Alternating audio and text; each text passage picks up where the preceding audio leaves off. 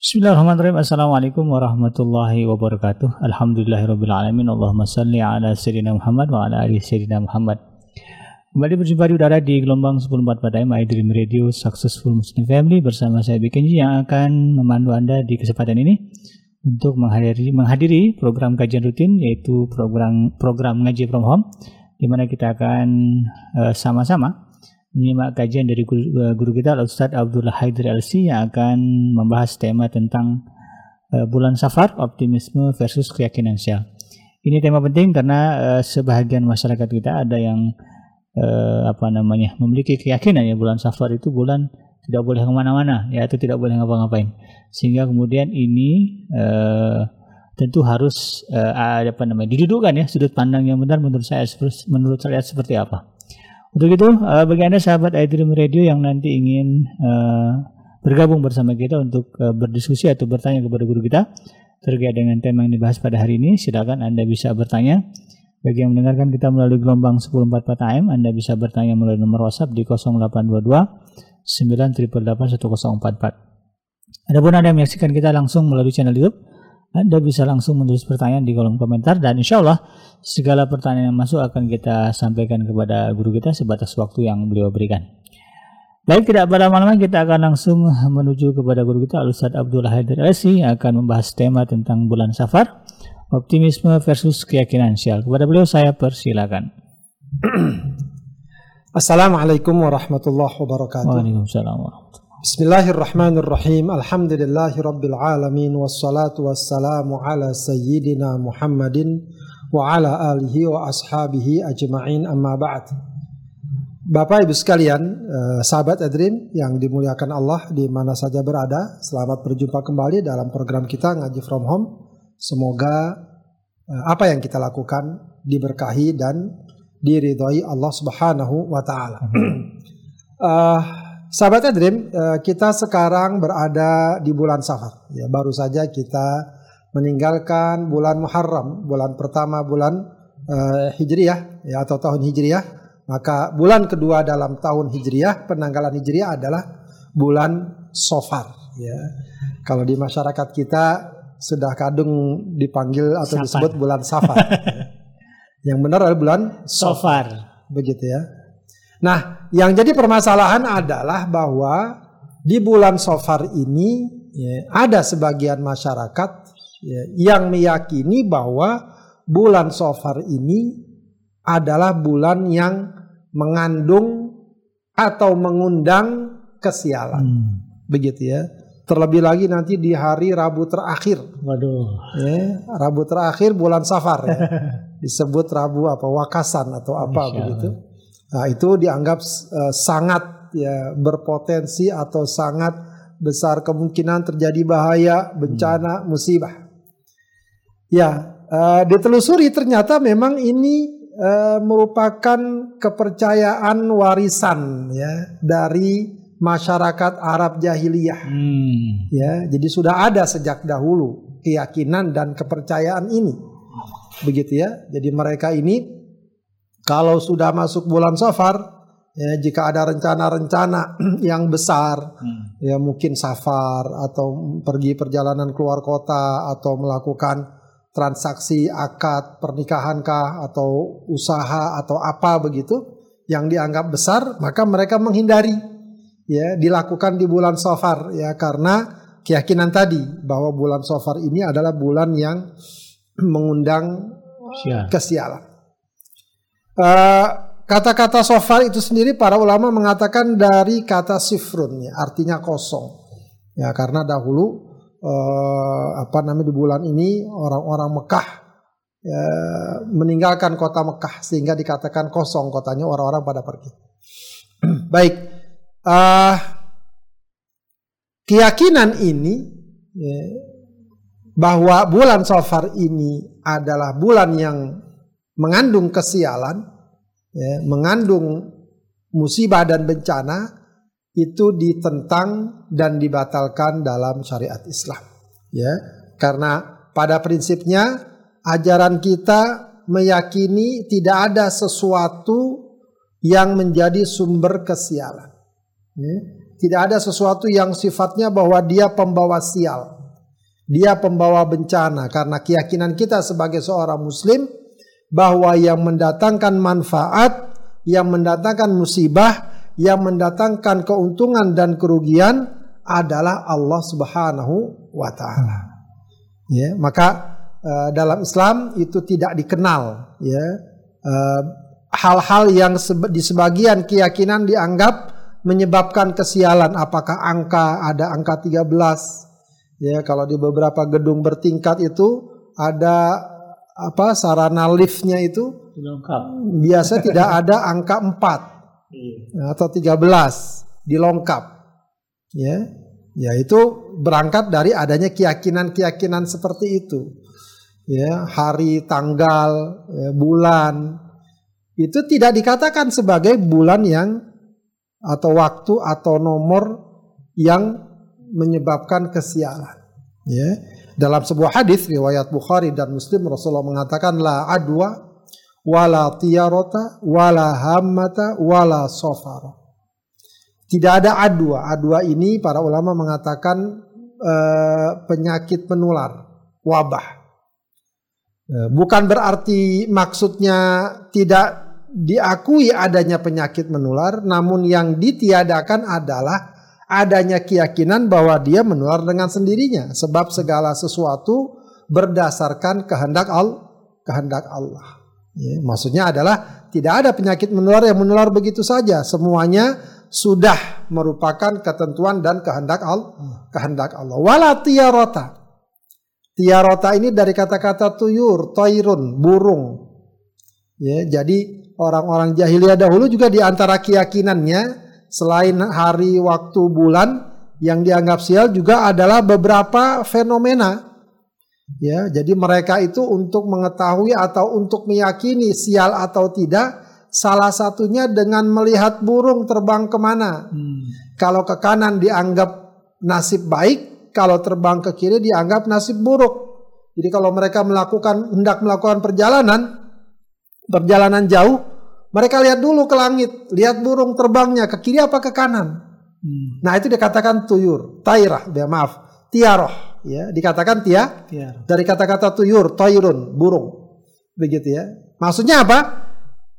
Keyakinan ya bernasib sial jika melihat sesuatu begitu saja.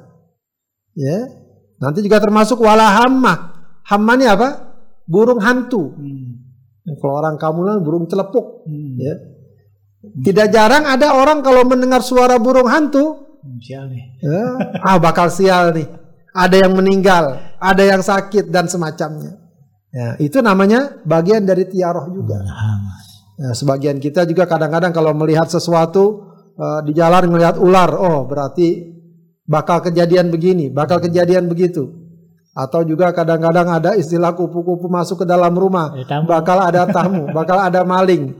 Nah, itu bagian dari tiaroh. Ya, itu dilarang, tidak dibenarkan. Artinya itu semua tidak memberikan pengaruh apakah akan datang manfaat atau mudarat, apakah apakah akan datang sial atau bencana, tidak ada. Hmm. Ya. Wala sofaro dan juga tidak ada bulan sofar. Maksudnya apa? Bukannya tidak ada bulan sofar, tapi tidak ada bulan sofar yang diyakini bahwa bulan sofar ini mengandung kesia kesialan. Jadi keyakinan Anda bahwa bulan sofar itu mengandung kesialan wala sofar. Tidak ada seperti itu. Ini uh, jelas menunjukkan bantahan ya bahwa keyakinan-keyakinan uh, sial seperti ini uh, tidak dibenarkan dalam Islam. Maka Eh, dengan demikian seorang muslim hendaknya menjauhi hal-hal seperti ini, meninggalkan hal-hal seperti ini. Ya, perkara bahwa oh ini sudah merupakan kebiasaan, adat, keyakinan masyarakat. Nah, tinggal kita berikan arahan. Hmm. Kita berikan uh, panduan, bukan begini caranya. Ya, Islam tidak mengajarkan seperti seperti ini. Justru di sini nanti ada perkara-perkara yang negatif yang harusnya kita tinggalkan. Sahabat hadirin yang dimuliakan Allah, kita kembali kepada sebuah kaidah dasar yang sangat penting dalam keimanan kita ya bahwa musibah dan bencana sebagaimana kebaikan dan berbagai kenikmatan semuanya adalah ketetapan Allah. Ketetapan Allah. Bahkan Perkara itu sudah tercatat di sisi Allah jauh sebelum alam ini diciptakan. Ya. Ma asaba min musibatin fil ardi kata Allah. Wala fi anfusikum illa fi kitabim min qabli an nabra'aha. Inna dzalika 'ala Allah yasir. Tiadalah suatu bencana pun yang menimpa di muka bumi, tidak pula pada diri kalian, melainkan telah tertulis dalam kitabnya. Maksudnya dalam lahil mahfud. Ya, sebelum kami menciptakan, jadi sebelum alam diciptakan, Allah sudah catat. Ya, berbagai macam kejadian yang nanti akan terjadi. Ini bagian dari keimanan kita dengan takdir Allah. Takdir Allah. Inna dzalika 'ala Allah yasir. Mungkin kita berpikir bagaimana mencatatnya semua kejadian di alam ini dengan sedemikian banyaknya, dengan setia sedemikian panjangnya masa. Tapi Allah katakan inna dzalika 'ala Allah yasir. Semua itu mudah bagi Allah. Ini keyakinan yang harus pegang kita pegang kuat, kuat-kuat. Ya. Kemudian dalam ayat lain surat At-Taubah 51 juga Allah jelaskan kullayusibana illa ma kataballahu lana huwa maulana. Katakanlah sekali-kali tidak akan menimpa kami melainkan apa yang telah Allah tetapkan untuk kami. Ya, jadi ketika mungkin suatu saat ada musibah, ada bencana, ada ke apa namanya eh, kesengsaraan yang terjadi itu bukan karena hari ini, bulan ini, tanggal ini, bukan. Bukan karena kita nomornya ini, nomornya sekian, bukan. Ya, tapi karena apa? Allah telah tetapkan. Allah yang menentu, Allah yang menentukan. Sebab dia zat ya, yang memberikan manfaat dan mudarat. Makhluk tidak ada yang memberikan manfaat dan mudarat kecuali atas izin Allah. Izin Allah. Ya, jadi uh, ini sudah cukup jelas ya. ya hadis Rasulullah, ayat Al-Quran, ya memberikan arahan dan bimbingan kepada kita untuk ya tidak memiliki ya keyakinan ya, jahiliyah yang di sebagian masyarakat masih ada. Ya. Lalu bagaimana Islam mengajarkan kita? Islam mengajarkan kita harapan yang baik, kata-kata yang baik. Ya. Walau mungkin ya bisa jadi di satu situasi dan kondisi seseorang mengalami hal-hal yang berat. Ya, sekarang mungkin kita cukup mengalami hal yang berat ya pandemi dan lain sebagainya. Tetap ajaran kita mengajarkan agar memiliki harapan yang baik atau bahasa yang lebih dikenal husnudzon berburuk sang berbaik sang berbaik sangka. Dan itu diwujudkan dengan kata-kata yang baik. Kata-kata yang baik ya. Kita keluarkan kata-kata yang baik. Alhamdulillah subhanallah masya Allah tabarakallah. Ya mudah-mudahan di balik ini ada hikmahnya. Di balik ini ada pelajaran yang bisa kita ambil. Bisa jadi yang kita dapatkan lebih baik. Wa asa antakrahu syai'an wa huwa khairul lakum bisa jadi kalian tidak menyukai sesuatu padahal baik wa asa antuhibbu syai'an wa huwa syarrul lakum bisa jadi kita menyukai kebaikan, oh enak yang begini, enak yang begitu. Padahal di balik itu ada keburuk, ada keburukan. Ya, jadi uh, selalu hadirkan ya, harapan yang baik dari semua peristiwa yang ada, bahkan peristiwa yang buruk sekalipun. Ya, tetap saja kalau mau kita ambil kebaikannya, di sana pasti akan banyak kebaikannya. Setidaknya pelajaran, hikmah yang bisa jadi ya itu akan menjadi modal besar dalam kehidupan kita yang hanya dapat kita raih ketika Allah berikan sejumlah keburukan, sejumlah musibah, sejumlah perkara-perkara yang memberatkan. Ya. Ini kita dianjurkan, diperintahkan untuk memiliki sifat seperti ini. Selalu menghadirkan harapan yang baik dan kata-kata yang baik. Ya, kata-kata yang baik maksudnya apa? kata-kata yang memberikan motivasi, yang mendorong, menghadirkan husnudzon kepada Allah, ya, ya menghadirkan optimisme. Ya. Ya. Dari Abu Hurairah radhiyallahu an dia berkata, "Sami itu Rasulullah sallallahu alaihi wasallam yaqul, aku mendengar Rasulullah bersabda la tiarota. Tidak boleh ada tiaroh. Ini tadi ya seperti kita katakan. Wa khairuha al-fa'lu. Ya. Dan yang baik sebaik-baiknya apa? Perasaan itu al-fa'lu. Ya, qalu wa mal fa'lu? Lalu mereka tanya, apa itu al fa'lu? Ya. Maka Rasul mengatakan al kalimatus salihah yasma'uha ahadukum. Ya, perkataan yang baik yang didengarkan oleh salah seorang dari kalian. Ya, jadi uh, sedapat mungkin uh, kita ucapkan kata-kata yang baik. Insya Allah baik, insya Allah khair. Apalagi ketika kita menghadapi orang yang sedang mengalami kesulitan. Ucapkan kata-kata yang baik. Motivasi. Berikan dorongan.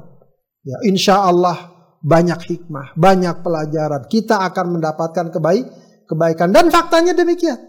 Ya, betapa di balik berbagai macam keburukan, ya, di dunia saja orang sudah bisa melihat ternyata ini hikmahnya. Ternyata ini pelajarannya. Banyak sekali kita dengar orang-orang yang sukses, orang-orang yang mendapatkan uh, apa namanya? keberhasilan. Ternyata di awalnya ya Allah uji dia, Allah berikan dia segala kesulitan, kesengsaraan. Ternyata di balik itu semua Allah sedang ya menyaringnya. Allah sedang mempersiapkan dirinya untuk siap menghadapi kesuksesan dan kebaik dan kebaikan. Ya, maka uh, seorang muslim sekali lagi diajarkan untuk punya sikap optimis dan selalu berkata-kata berkata-kata baik. Mungkin ada satu masalah, ya. Bisa jadi orang memiliki keyakinan buruk. Persis terjadi keburukan pada hari itu pada bulan itu. Ya, tiba-tiba di bulan Safar ini ya jadi musibah, ada musibah besar. Entah mungkin sifatnya pribadi, masyarakat. Karena terjadi di bulan Safar, orang mengatakan, "Nah, betul kan? Di bulan Safar ya terjadi musibah." Musibah. Kadang terjadi seperti itu. Ya, tadi ya, tiaroh. Ya, tiaroh. Ada misalnya dengar suara burung hantu, lalu kita berpikiran buruk. Gak lama kemudian ada berita buruk. Oh si Fulan meninggal. Ah benar. Ya. Biasanya ada juga gitu. Ya. Ada juga dapat misalnya undian. Anda dapat nomor 13. Ya. Ternyata misalnya hasilnya buruk. Bagaimana sikap kita? Pertama boleh jadi perkara itu memang Allah kehendaki sebagaimana persangkaan hambanya. Bisa aja bisa jadi karena dia sudah merasa bahwa ini akan mengundang kesialan, Allah buktikan, Allah beri berikan. Ya, sebab dalam hadis qudsi Allah mengatakan apa? Ana inda dzanni abdi bi. Aku tergantung persangkaan, persangkaan hambaku kepada aku. Kalau persangkanya buruk ya kasih buruk sekalian. Begitu ya. Bisa jadi demikian. Demikian. Bisa jadi juga itu sebagai ujian Allah kepada seorang hamba khususnya orang yang beriman. Ya, kira-kira kalau diuji kayak gini gimana berubah nggak dia? Ya, pertama sih dia mengatakan nggak benar itu bulan sofar mengundang menyebabkan kesia kesialan. Eh dia naik kendaraan tabrakan misalnya. Kalau seandainya dia tetap yakin ini bukan karena gara-gara bulan sofar, tapi karena bagian dari takdir dan ketentuan Allah, ah itu berarti keimanan yang kok yang kokoh ya. Tidak goyah. Ya. Karena memang iman itu prinsip, prinsip kayak gitu. Meskipun kadang-kadang ada suasana dan situasi ya yang bisa jadi membuat dia bisa berubah pikiran. Oh saya kira omong kosong doang ternyata benar. Hmm. ya. Ternyata ada bencana banjir di kampung saya. Oh bulan sofar ternyata. Ya. kalau orang punya keimanan yang kuat tidak demikian kesimpulannya. Ya, bahwa di bulan Safar bukanlah bulan yang sial sudah jelas ditunjukkan oleh Rasulullah Shallallahu Alaihi Wasallam. Lalu bagaimana? Kenapa kejadian itu terjadi di bulan Safar? Ada beberapa mungkin peristiwa yang uh, katakanlah bencana, katakanlah kerugian di bulan Safar. Ya itu bagian dari takdir Allah. Toh juga Allah jadikan bencana di bulan yang lain, di bulan yang lainnya jadikan bencana atau musibah di bulan yang lainnya. Ya, jadi jangan kemudian digiring pada sebuah pemahaman dan keyakinan yang keliru tadi. Ya, yang keliru tadi. Ya, ini penting. Ya, sebab bisa jadi Allah uji ini. Ya, diingatkan eh, apa namanya? Pengen pergi seseorang pas tanggal 13. Katakanlah kan tanggal 13 September. Mungkin ada yang bilang, "Jangan pergi sekarang tanggal 13 ini." Suwe. Ya, suwe. Sial. Ah, nggak percaya. Dia pergi juga kan? Iya. Ternyata Kejadian. kejadian kecelakaan. Kira-kira apa orang yang tadi komentar? Ya, tuh kan. Atau kan? Gua kata juga apa? Bilang begitu. Orang kalau tidak kuat mengatakan, oh benar juga ya orang begini. Ya. Bagi seorang muslim tidak. Walau terjadi seperti itu. Walau terjadi. Maka ini merupakan ujian Allah. Allah. Ujian Allah. Ya, kita lebih percaya dengan pesan dan hadis Rasulullah Sallallahu Alaihi Wasallam wala sofar. Tidak ada yang keyakinan yang menyatakan bahwa bulan sofar itu adalah bulan yang mengundang kesia kesialan. Ya. Maka jangan diikuti. Oh, kalau begitu besok-besok jangan pergi lagi deh bulan sofar. Jangan pakai, jangan pergi tanggal 13. Tidak. Kalau memang sudah waktunya bulan sofar, lakukan saja, tidak masalah.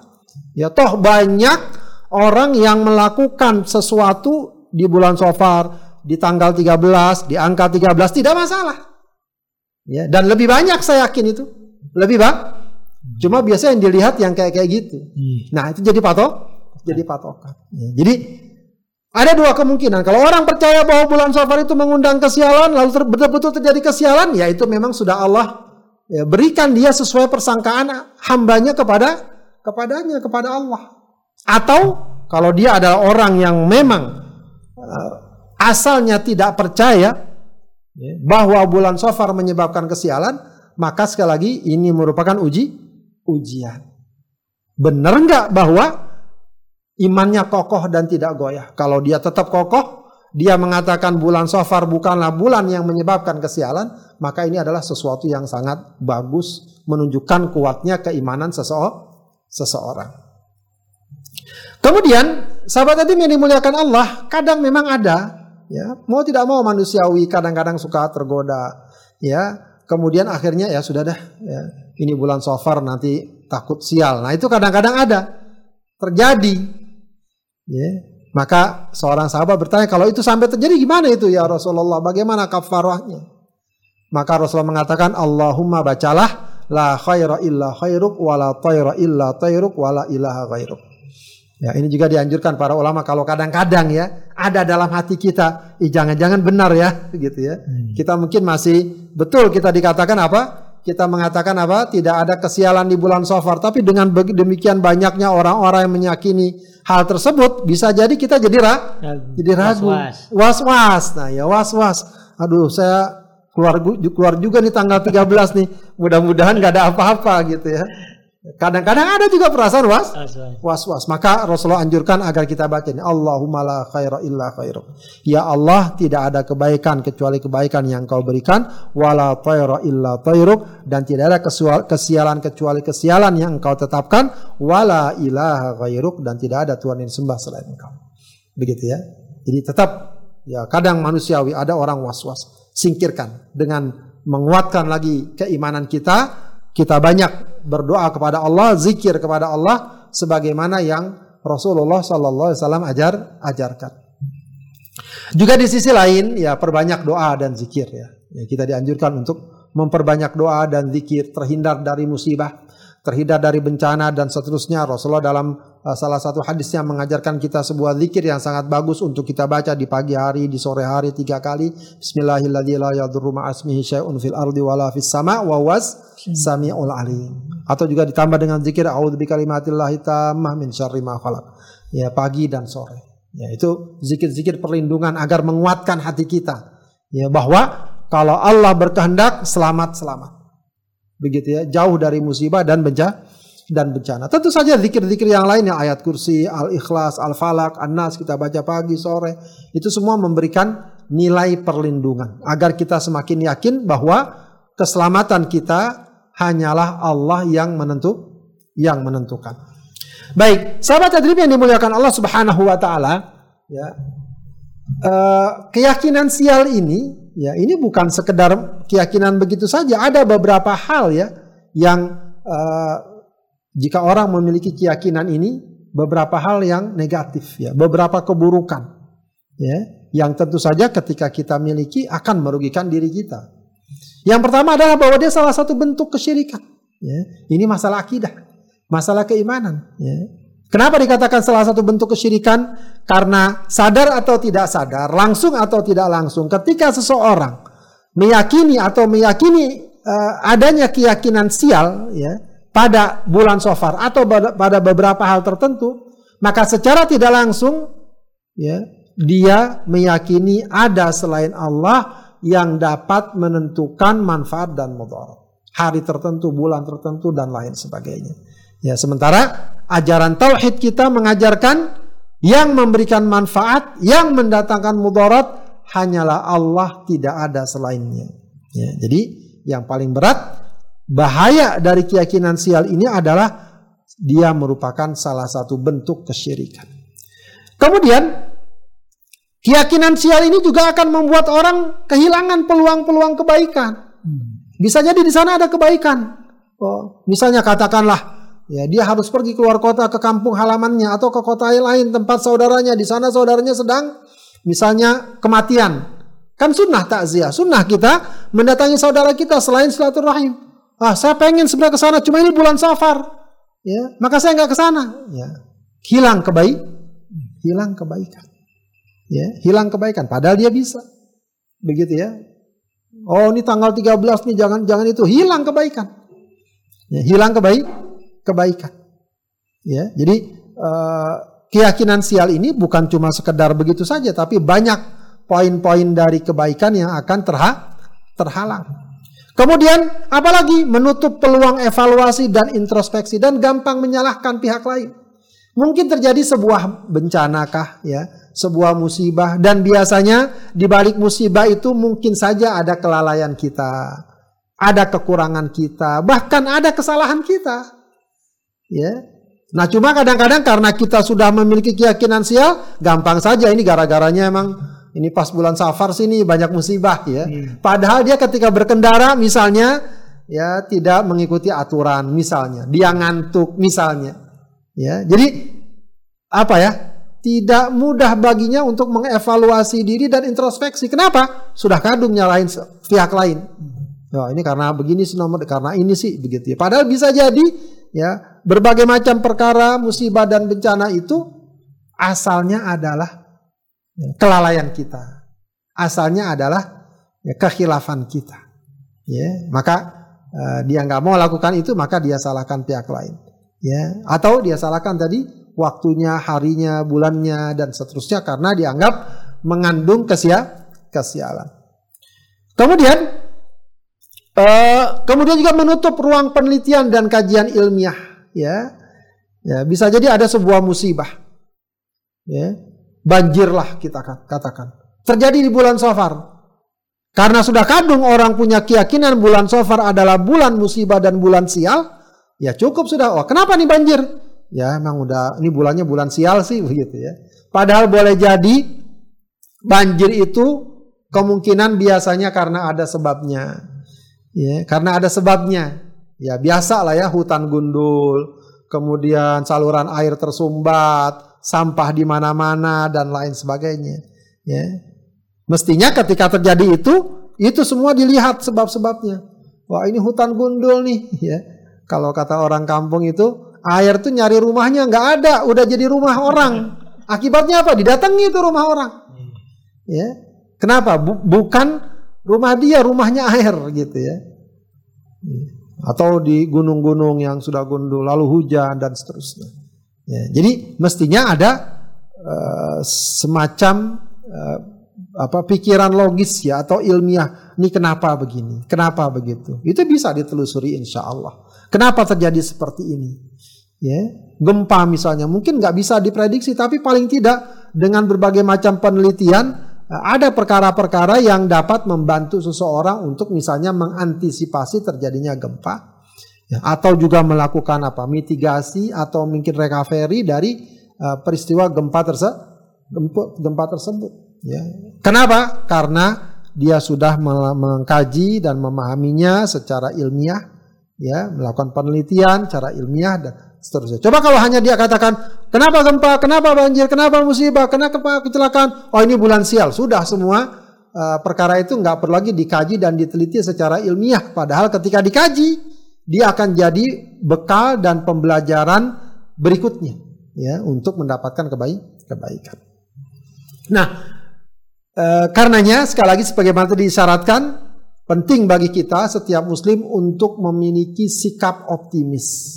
Ya, memiliki keyakinan optimis.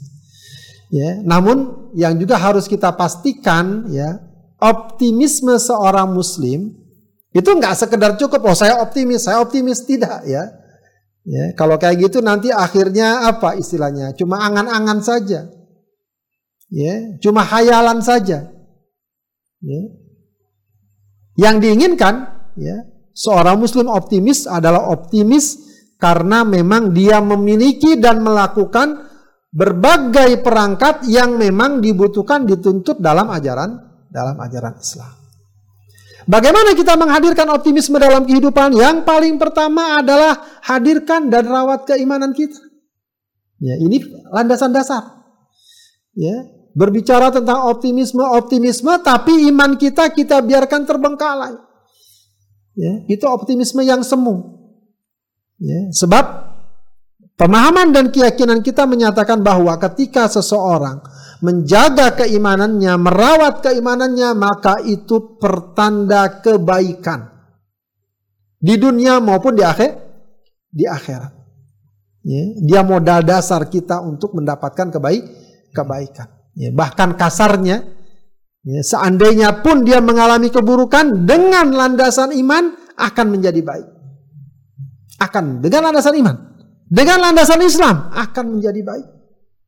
Apa yang dilihat orang sebagai keburukan, tapi ketika dialami dan dirasakan oleh orang yang beriman, apalagi keimanannya baik, keimanannya kuat, ya, maka sesungguhnya hakikatnya itu adalah kebaikan yang Allah berikan dalam bentuk musibah, bencana, dan berbagai keburukan. Kemudian hadirkan ketundukan dan ketakwaan. Ya, jadi ini iman dan takwa. Dua hal ini perkara dasar. Ya, perkara dasar. Kalau ini kita hadirkan, maka kita sangat layak optimis. Kenapa? Karena ketika itu semua yang akan Allah berikan kepada kita, baik dalam bentuk kebaikan atau keburukan, sehat atau sakit, untung atau rugi, jika kita hadapi dengan keimanan yang kuat, ketaatan yang bagus, ya, maka semuanya hanyalah kebaikan dan kebaikan. Ya. Kalau dia mendapatkan kesulitan dengan imannya, maka dia sabar. Setiap dia sabar, Allah berikan pahala. Ya, maka ada satu hadis Rasulullah ma asaba muslim min nasobin wala wasobin wala hammin wala ghammin hatta syaukatu yushakuha illa kaffarallahu biha khotoyah. Tidak ada satu hal yang menimpa seorang muslim sakit, capek, letih, gundah sampai ada satu buah dur yang menusuknya itu semua tidak gratis. Hmm. Itu semua ada balasan kebaik, kebaikan. Illa kaffarallahu biha khotoyahu.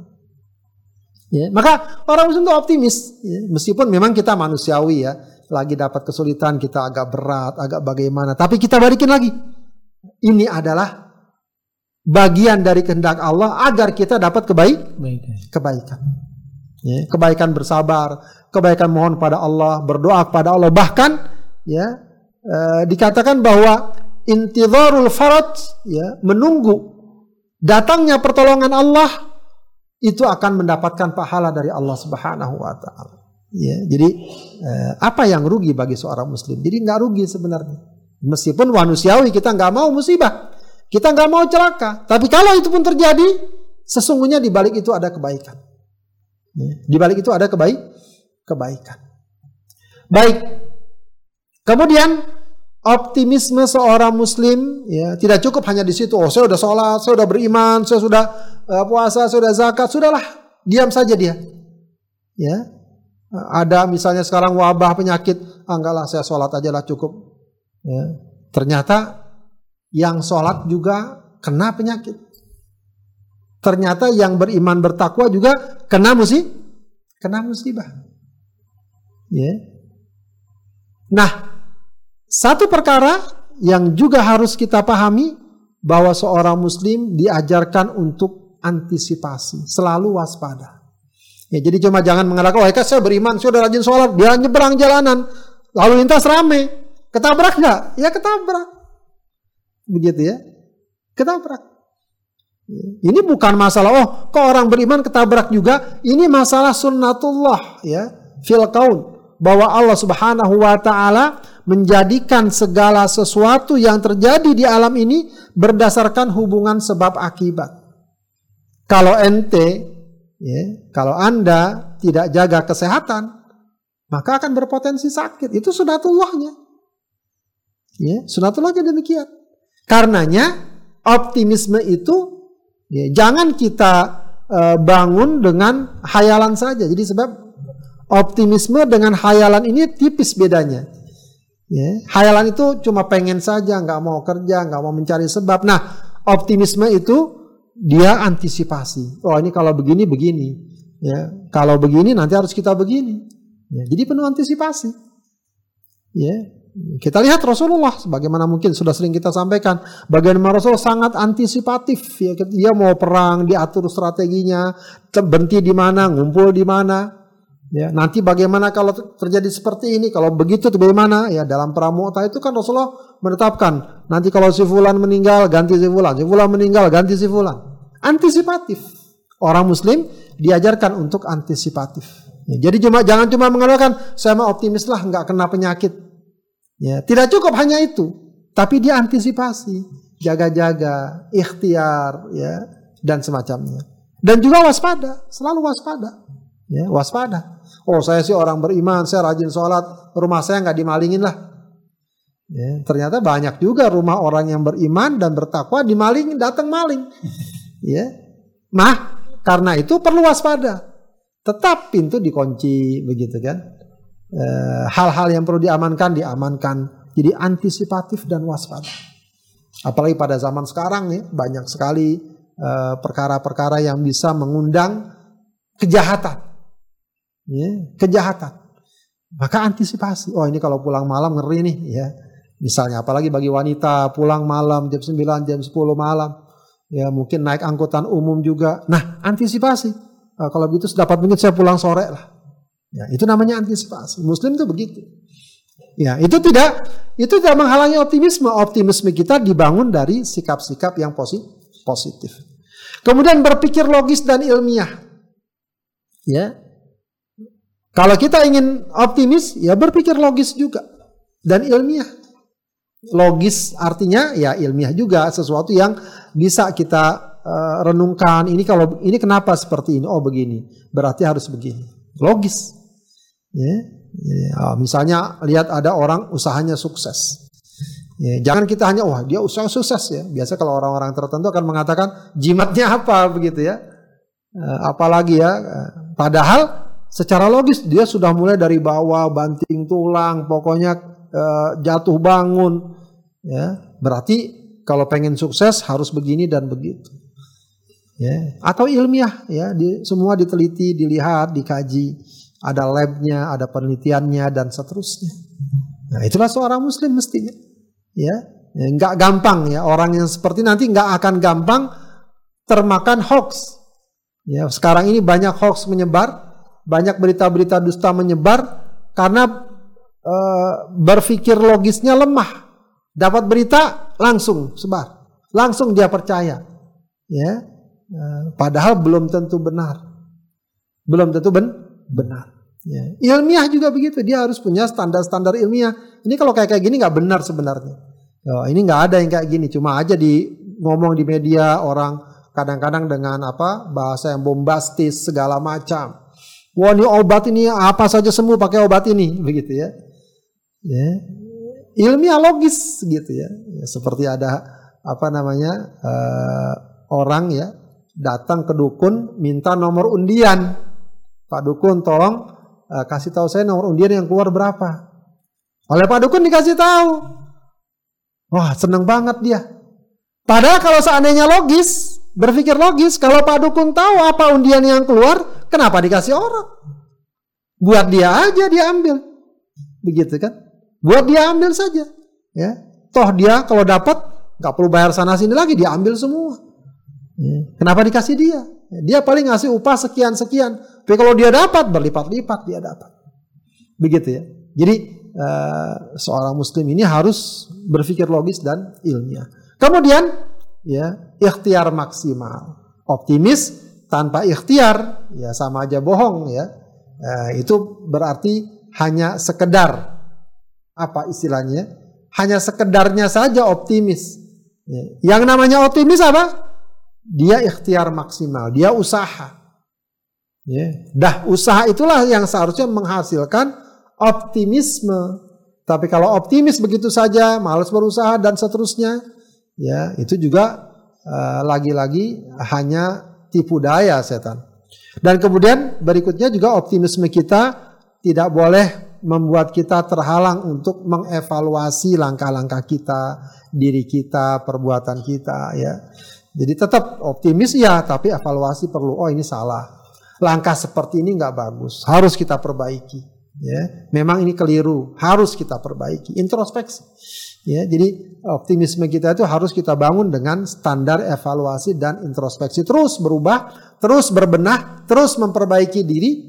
Ya, maka insya Allah kita optimis ke depan akan lebih baik. Ya, jadi sebenarnya sederhana orang Islam itu. Ya jangan sampai kita tersandera terkungkung dengan perasaan-perasaan sial tadi.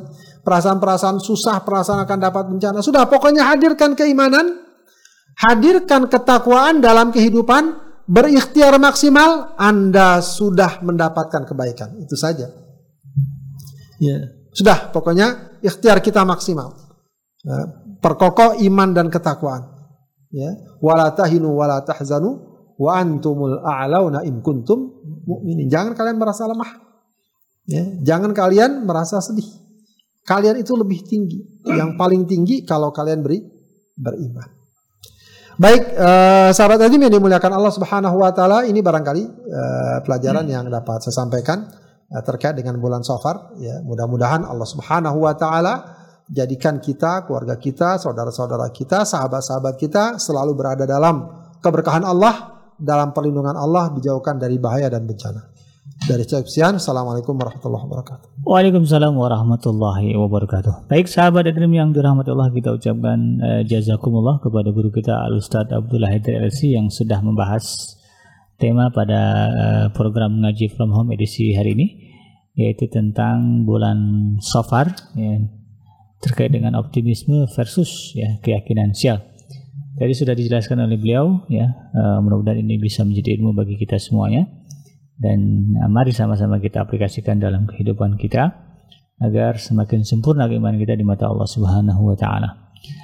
Dan sahabat Adrim sekalian yang dirahmati Allah sebagai informasi bagi Anda bahwa program ini terselenggara atas kerjasama antara Adrim Radio ya, bersama dengan Kozwa, platform pembiayaan syariah, syariah online dan juga dengan Biro Umroh dan Haji Khusus yaitu Patra yang dipercaya sejak tahun 1995. Bagi Anda yang mungkin ada niatan ingin melaksanakan umroh ya di tahun-tahun ini atau di tahun-tahun yang akan datang dan masih belum menemukan biro haji dan umroh yang dirasa pas ya dan amanah silakan hubungi langsung biro haji dan biro umroh dan haji khusus ya, Patra di nomor 0812 95 999 747 atau langsung layari laman web resminya di www.patratur.com. Baik sahabat Dream yang dirahmati Allah di mana pun Anda berada, uh, masih ada waktu tersisa yang bisa kita manfaatkan untuk sesi diskusi dan tanya jawab. Bagi Anda yang ingin bertanya kepada guru kita terkait tadi yang disampaikan, silakan bisa melalui nomor WhatsApp di 0822 9881044 atau juga bisa langsung di uh, kolom komentar ya bagi Anda yang menyaksikan kita melalui uh, channel YouTube. Baik, uh, Ustadz sambil menunggu juga kemungkinan ada jamaah yang nanti bertanya. Ini ada beberapa pertanyaan yang uh, ingin saya tanyakan Ustaz uh, terkait dengan tema tadi. Yang pertama ini saya terkait dengan uh, perilaku hewan. Perilaku hewan ini di beberapa masyarakat kita kalau berbicara tradisi, terutama kalau saya sih uh, karena base-nya adalah ibu saya orang Sunda, ada istilah ciciren. Ciciren itu uh, penanda gitu. Ada tanda-tanda nih. Biasanya dinisbatkan kepada perilaku hewan. Uh, burung, bisa saja kucing atau dan sebagainya. Nah, uh, saya pernah menyaksikan tayangan di National Geographic bahwa sekarang-sekarang ini ada kajian tentang uh, para ahli yang terutama yang mengamati masalah bencana seperti tsunami, gempa gitu ya. Itu dari perilaku hewan. Jadi e, didapati bahwa sebelum terjadi tsunami dulu yang di tahun 2004 ya, yang di Aceh, itu di Thailand itu gajah-gajah yang biasa di uh, sirkus saya diajak main yang berada di, tidak jauh dari lokasi tsunami itu mereka gelisah. Gelisah dan menunjukkan perangnya tidak uh, tidak tidak biasanya. Kemudian kalau di Jepang ada juga liputan hewan-hewan peliharaan seperti kucing anjing burung gitu saja ya. mereka itu menunjukkan perilaku yang berbeda dan kemudian terjadilah uh, bencana nih Ustaz. Nah kira-kira kalau uh, dikaitkan dengan ilmu keilmiahannya Ustaz. Tadi kan uh, ada larangan tentang tiaroh ya. mengamati perilaku burung begitu ya. kan. Nah ini dalam kaitan ini gimana nih Ustaz? Baik, uh, di sini memang uh, tadi sudah kita singgung ya sedikit tentang bahwa uh, berpikir logis dan ilmiah. Ya. Ya. Jadi kalau memang ada indikasi yang secara ilmiah dan logis bisa dikaitkan sebagai sebuah hubungan sebab akibat ah. yang nyata, itu tidak masalah. Tidak termasuk ke wilayah tatoyur ya, ya tidak. Ya, sebab kalau tadi burung terbang ke kiri dengan terbang ke kanan, apa hubungannya dengan perdagangan kita untung apa enggak? Itu kan nggak bisa dikaitkan ah. hubungannya. Tapi kalau ya. dengan bencana tadi itu bisa. Kalau bencana tadi masih mungkin kalau memang betul-betul berdasarkan pengalaman tajriba, ah. eksperimen begitu ya. Hmm. Katakanlah misalnya mungkin hewan memiliki insting tertentu yang bisa ya. menangkap sebelum kebakaran hutan biasanya itu ya, ada tuh muncul ya, hewan hutan atau ah. gempa juga mungkin aja bisa. Ya. Bisa saja ada apa sesuatu yang bisa ditangkap oleh insting hewan ah. bahwa adalah suara atau gerak getaran tertentu ah. dan seterusnya. Mungkin ya atau juga yang jelas tsunami lah ya tsunami tiba-tiba air laut uh, surut atau apa. Hmm. Nah, itu kan berdasarkan pengalaman jadi indika indikasi. jadi indikasi begitu ya. Hewan juga begitu, tiba-tiba kok hewan pada keluar dari gunung, pada turun. Eh, ini uh, bisa jadi bukan bukan karena masalah mistis kan? Iya, iya. Bisa jadi mungkin ada hawa panas kah ya? Iya. Mungkin di sana di tempat dia yang berada mungkin ada kebakaran atau hmm. ada apa dan seterusnya. Jadi kalau itu bisa menjadi petunjuk hmm. tidak mengapa. Hmm. Itu sama dengan masalah uh, sekitar uh, apa namanya masalah ramalan. Kalau dulu dulu disebut ramalan ya ramalan cuaca ya. Iya iya. Perakiraan. Perakiraan gitu ya. Dulu kan disebutnya ramalan ya. Perakiraan cuaca. Kalau memang dinilainya berdasarkan apa namanya uh, uh, benda-benda antariksa atau nah. pergerakan awan Angin. atau bahkan bintang-bintang juga bisa. Hmm. Karena itu memang sudah Allah Subhanahu wa taala katakan ya. Wa huwallazi ja'ala lakumun nujuma apa? Litahtadu biha. Ya. Allah jadikan bintang itu agar menjadi apa? Petunjuk. Petunjuk bagi kalian. Petunjuk, petunjuk arah, termasuk petunjuk musim. Kalau kalau muncul bintang ini, biasanya musim ini akan datang. Iya. Nah, itu kan sebenarnya ada rumusnya. Mitigasi bencana ya. juga bisa ya? Iya, bisa mitigasi juga. Ya, ada rumusnya. Ya, dahulu uh, kalau misal para nelayan kan tahu. Iya. Ini bintang ini begini dan musim seterusnya. Angin apa, musim angin, badai, musim apa. Gitu. Ya. Nah, itu berdasarkan eksperimen, berdasarkan tajribah ya. Dan itu bukan sesuatu yang mistik, begitu ya. Nah, lain halnya kalau udah kayak semacam zodiak begitu. Karena kamu bintangnya Virgo bulan oh, ini, maka kalau bulan Agustus uh, kamu akan sial. Nah, kayak itu udah ya, itu ya. tidak ada kaitannya kan? Bukan Apa kaitannya? Bukan perbintangan lagi itu saja. Ya, bukan perbintangan lagi. Ya, kalau itu disebut dengan il ilmu nujum namanya. Ya, Ramalan kalau seperti itu. Jadi memang uh, makanya dikatakan para ulama mengatakan bahwa bintang itu boleh kita yakini litaisir kalau memberikan kemudahan ya arah cuaca. Tapi kalau litaisir dalam arti bintang ini yang membuat kita uh, mudarat atau manfaat. Nah, itu yang nggak boleh. Ya, yeah, wallahu a'lam. Ini kadang-kadang kan kalau yang punya ayam piaraan ayam ayam jantan.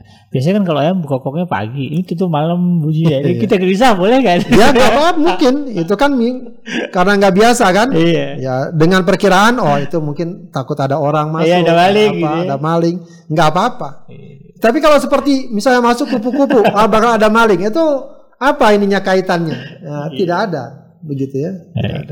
Nah, ini ini penting ya untuk kita memisahkan antara uh, apa namanya uh, hal yang basicnya adalah sains pengetahuan dengan yang sifatnya hanya sebatas uh, persangkaan belaka. Jadi keilmiahannya harus dibuktikan. Baik Ustaz, selanjutnya Ustaz. Ini nah ini juga bagian dari kebiasaan masyarakat kita Ustaz, uh, terutama di kampung-kampung. Saya rasa di kota juga ada Ketika dia akan misalnya menentukan hari pernikahan atau hari keberangkatan ke mana atau misalnya mau bangun rumah, Kadang ada yang nanya ke kiai, ke ustadz, ustadz nih kiai mbah bagusnya tanggal berapa ya, hari apa ya saya bangun saya begini gitu. Itu masuk ke dalam kategori larangan nggak ustadz? Wallahu alam. Uh, secara umum kalau tujuannya adalah oh ini baik nih hari ini nggak apa-apa. Kalau tujuannya baik. Eh, Kalau tujuannya jangan hari ini bakal sial, nah itu yang nggak boleh. Gitu ya. Jadi eh, nggak perlu kita pertegas. Kenapa nggak hari ini? Oh ini kalau sial, nanti nggak boleh. Tapi kalau eh, minta katakanlah eh, ya Nasihat. nasihat, konsultasi hari apa bagusnya segala macam, lalu dikasih ya udah ini aja. nggak usah didetail Gak usah didetailkan. Sebab kalau bukan hari ini sial, nah itu yang nggak boleh.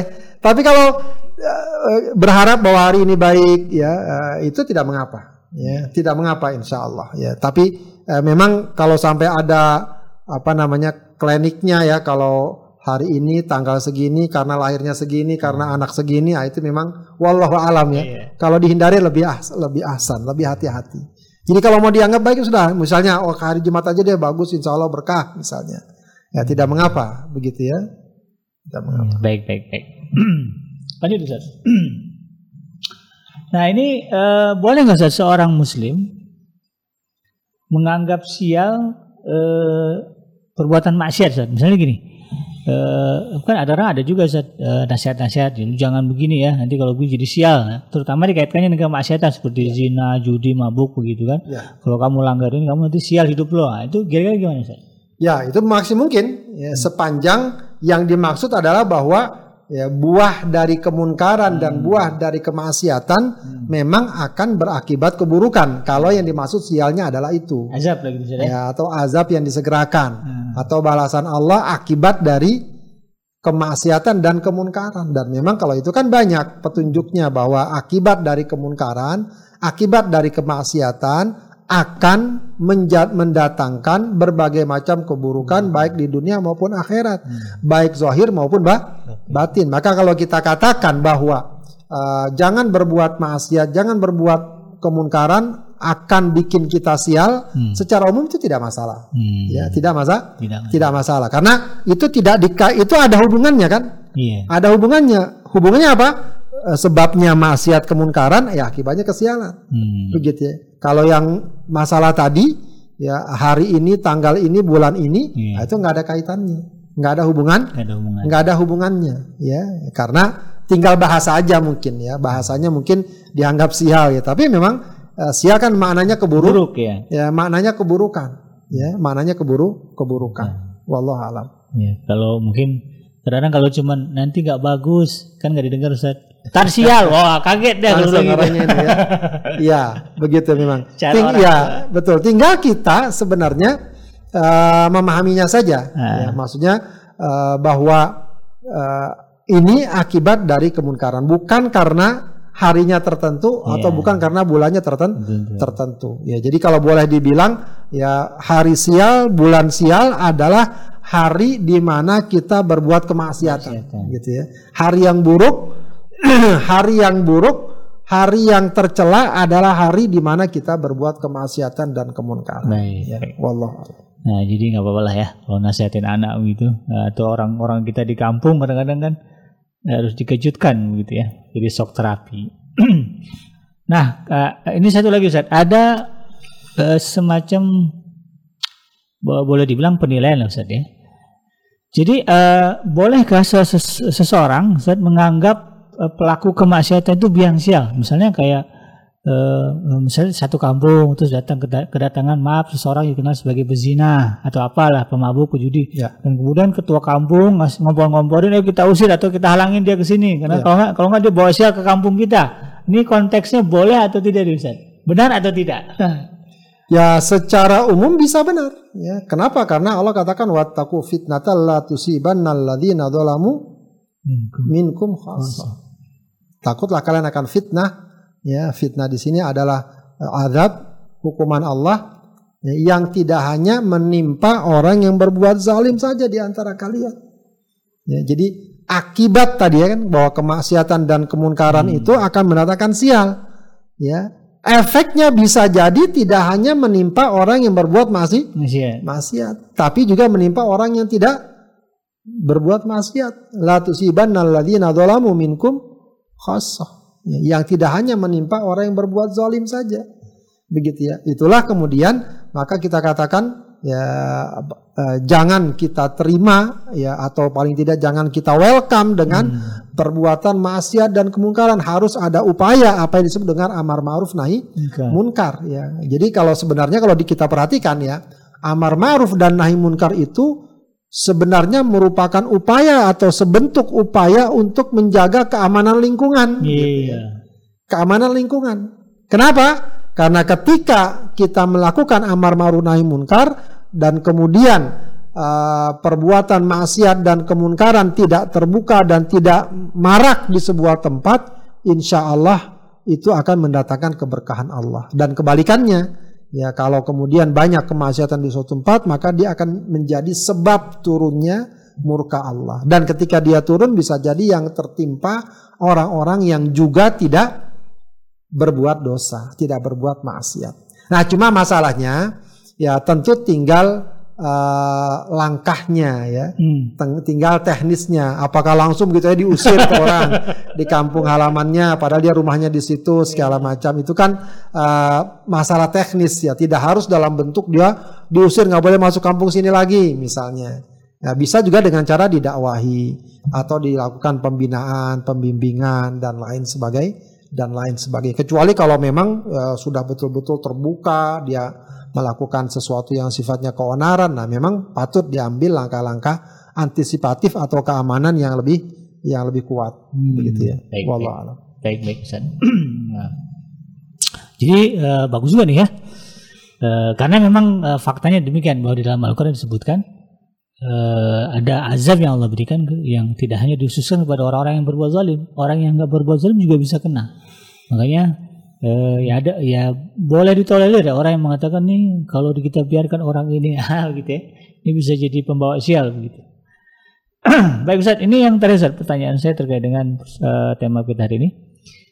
Uh, ada kalanya Ustaz, seorang anak uh, ketika ingin melakukan sesuatu, kemudian orang tuanya melarang dengan alasan uh, firasatnya, perasaannya. Ibu nggak punya perasaan, perasaan ibu nggak enak ya kalau kamu begini sekarang, kamu begitu nanti. Kayaknya ada apa-apa nih Nah dalam konteks kita sebagai anak atau uh, seorang muslim ini gimana saya menyikapinya? Uh, uh, apakah kita boleh membatalkan itu, membatalkan apa yang mau kita buat dengan alasan orang tua berfirasat begitu? Uh, atau misalnya kalau nggak kita turuti nanti dia kecewa marah, nanti jadi anak durhaka kita. Iya. Nah kira-kira gimana? Ya tinggal ini saja kalau begitu. Tinggal kita lihat ya. Kalau perkara-perkara yang masih mungkin bisa kita tolerir. Nah. Ya Katakanlah kita mau pergi keluar kota, masih mungkin kita tolerir, mungkin bisa besok, bisa lusa sesuai keinginan ibu, hmm. bagus saja kita lakukan ya, agar bisa uh, dikompromikan lah ya, bisa kita kompromikan ya, apalagi firasat ya. Firasat bisa juga ya ittaku firasatal mukmin ya. Hmm. ya maka uh, takutlah kalian dengan firasat orang yang beriman. Ya bisa jadi mungkin ibu uh, ada apa ya, mungkin suasana batin yang apa begitu. Paling tidak kalau kita atur sesuai dengan kehendak uh, ibu orang tua, ya paling tidak kita menenangkan perasaannya. Oh kalau gitu udah deh nggak jadi sekarang lusa misalnya.